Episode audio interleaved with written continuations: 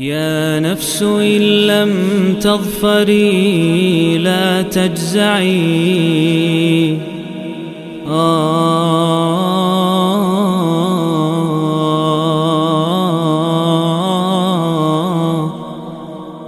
Bismillah, walhamdulillah, wassalatu wassalamu ala rasulillahi amma ba'du Ini adalah lanjutan dari serial 114 hari menyambut bulan Ramadan Dengan mengkaji surat demi surat dari Al-Quran Dan di pertemuan ke-46 ini Bersama surat Al-Ahqaf Kita akan menyudahi rangkaian 7 surat Zawatu Hamim.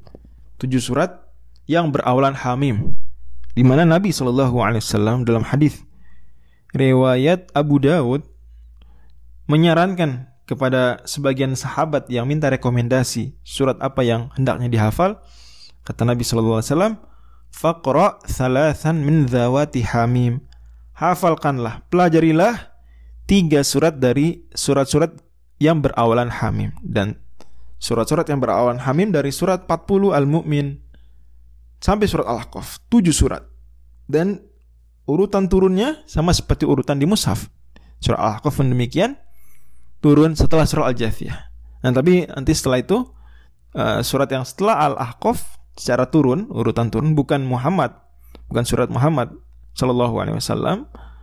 Surat ke-47 tapi surat Az-Zariyat surat ke-51.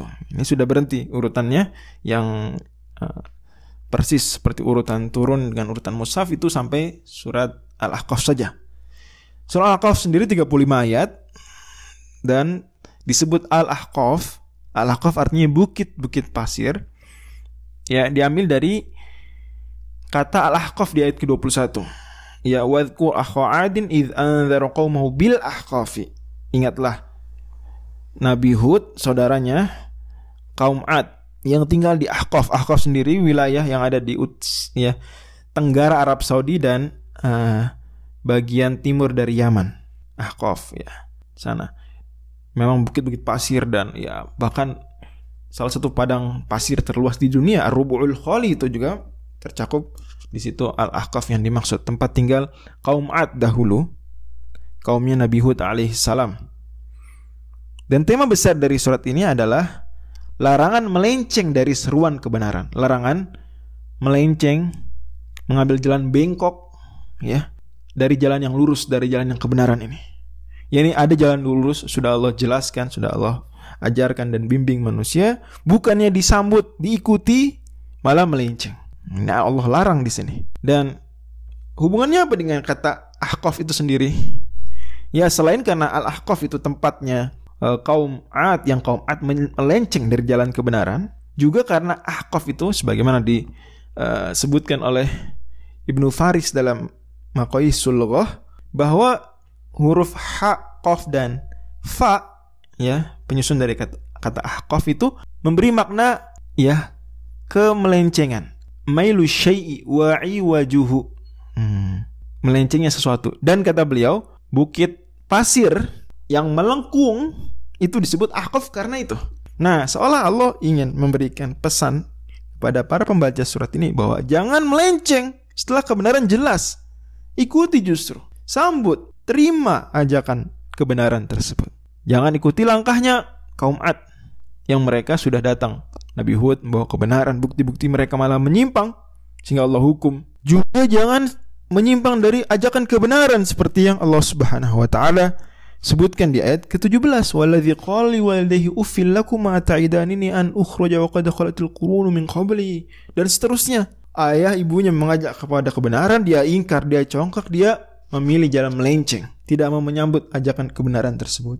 Sebaliknya, justru ikutilah jalan semisal Abdullah bin Salam anhu dan orang-orang dari ahli kitab lainnya dari Bani Israel yang menyambut seruan kebenaran, tidak melenceng. Allah Subhanahu wa taala firmankan, Qul ara'aytum in kana min indillahi wa kafartum bihi wa syahida syahidun min bani Israel ala mithli fa amana wastakbartum. Abdullah bin Salam beriman dan Abdullah bin Salam bukan orang sembarangan, adalah ulama terbesarnya Bani Israel. Di zaman tersebut, wa syahidah syahidu min Bani ala mithlihi. Beliau yang tahu jelas, punya ilmu banyak, beriman, fa'amana. Tapi kalian yang tidak berilmu, wastakbartum. Malah menyombongkan diri. Wahai orang-orang Mekah. Contohlah para jin yang Allah Subhanahu wa taala ceritakan di akhir surat wa wa id sarafna ilaika nafara minal jinni yastami'una al-Qur'an. Yang mereka mendengarkan Al-Quran yang dibacakan Nabi Muhammad SAW dan mereka punya ilmu karena mereka telah beriman kepada Nabi Musa sebelumnya. Maka kata mereka, Inna sami'na kitaban unzila min ba'di Musa musaddiqan lima bayna yadayhi yahdi ilal haqqi wa ila mustaqim. Maka mereka segera menyambut seruan tersebut bahkan langsung berdakwah sebagaimana juga Abdullah bin Salam berdakwah mengajak kaumnya.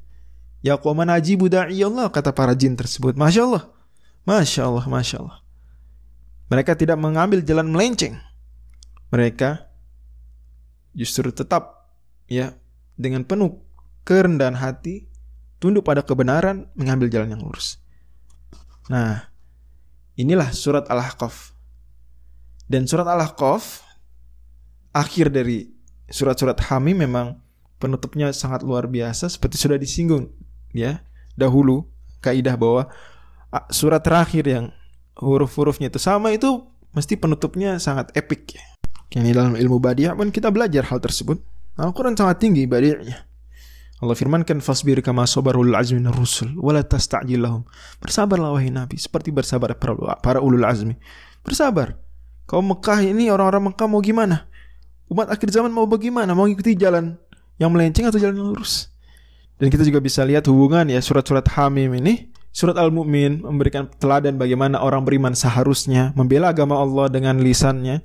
Kemudian kita lihat setelah itu bahwa orang yang tidak beriman berpaling dari kebenaran padahal kebenaran sudah fusilat sudah dijelaskan.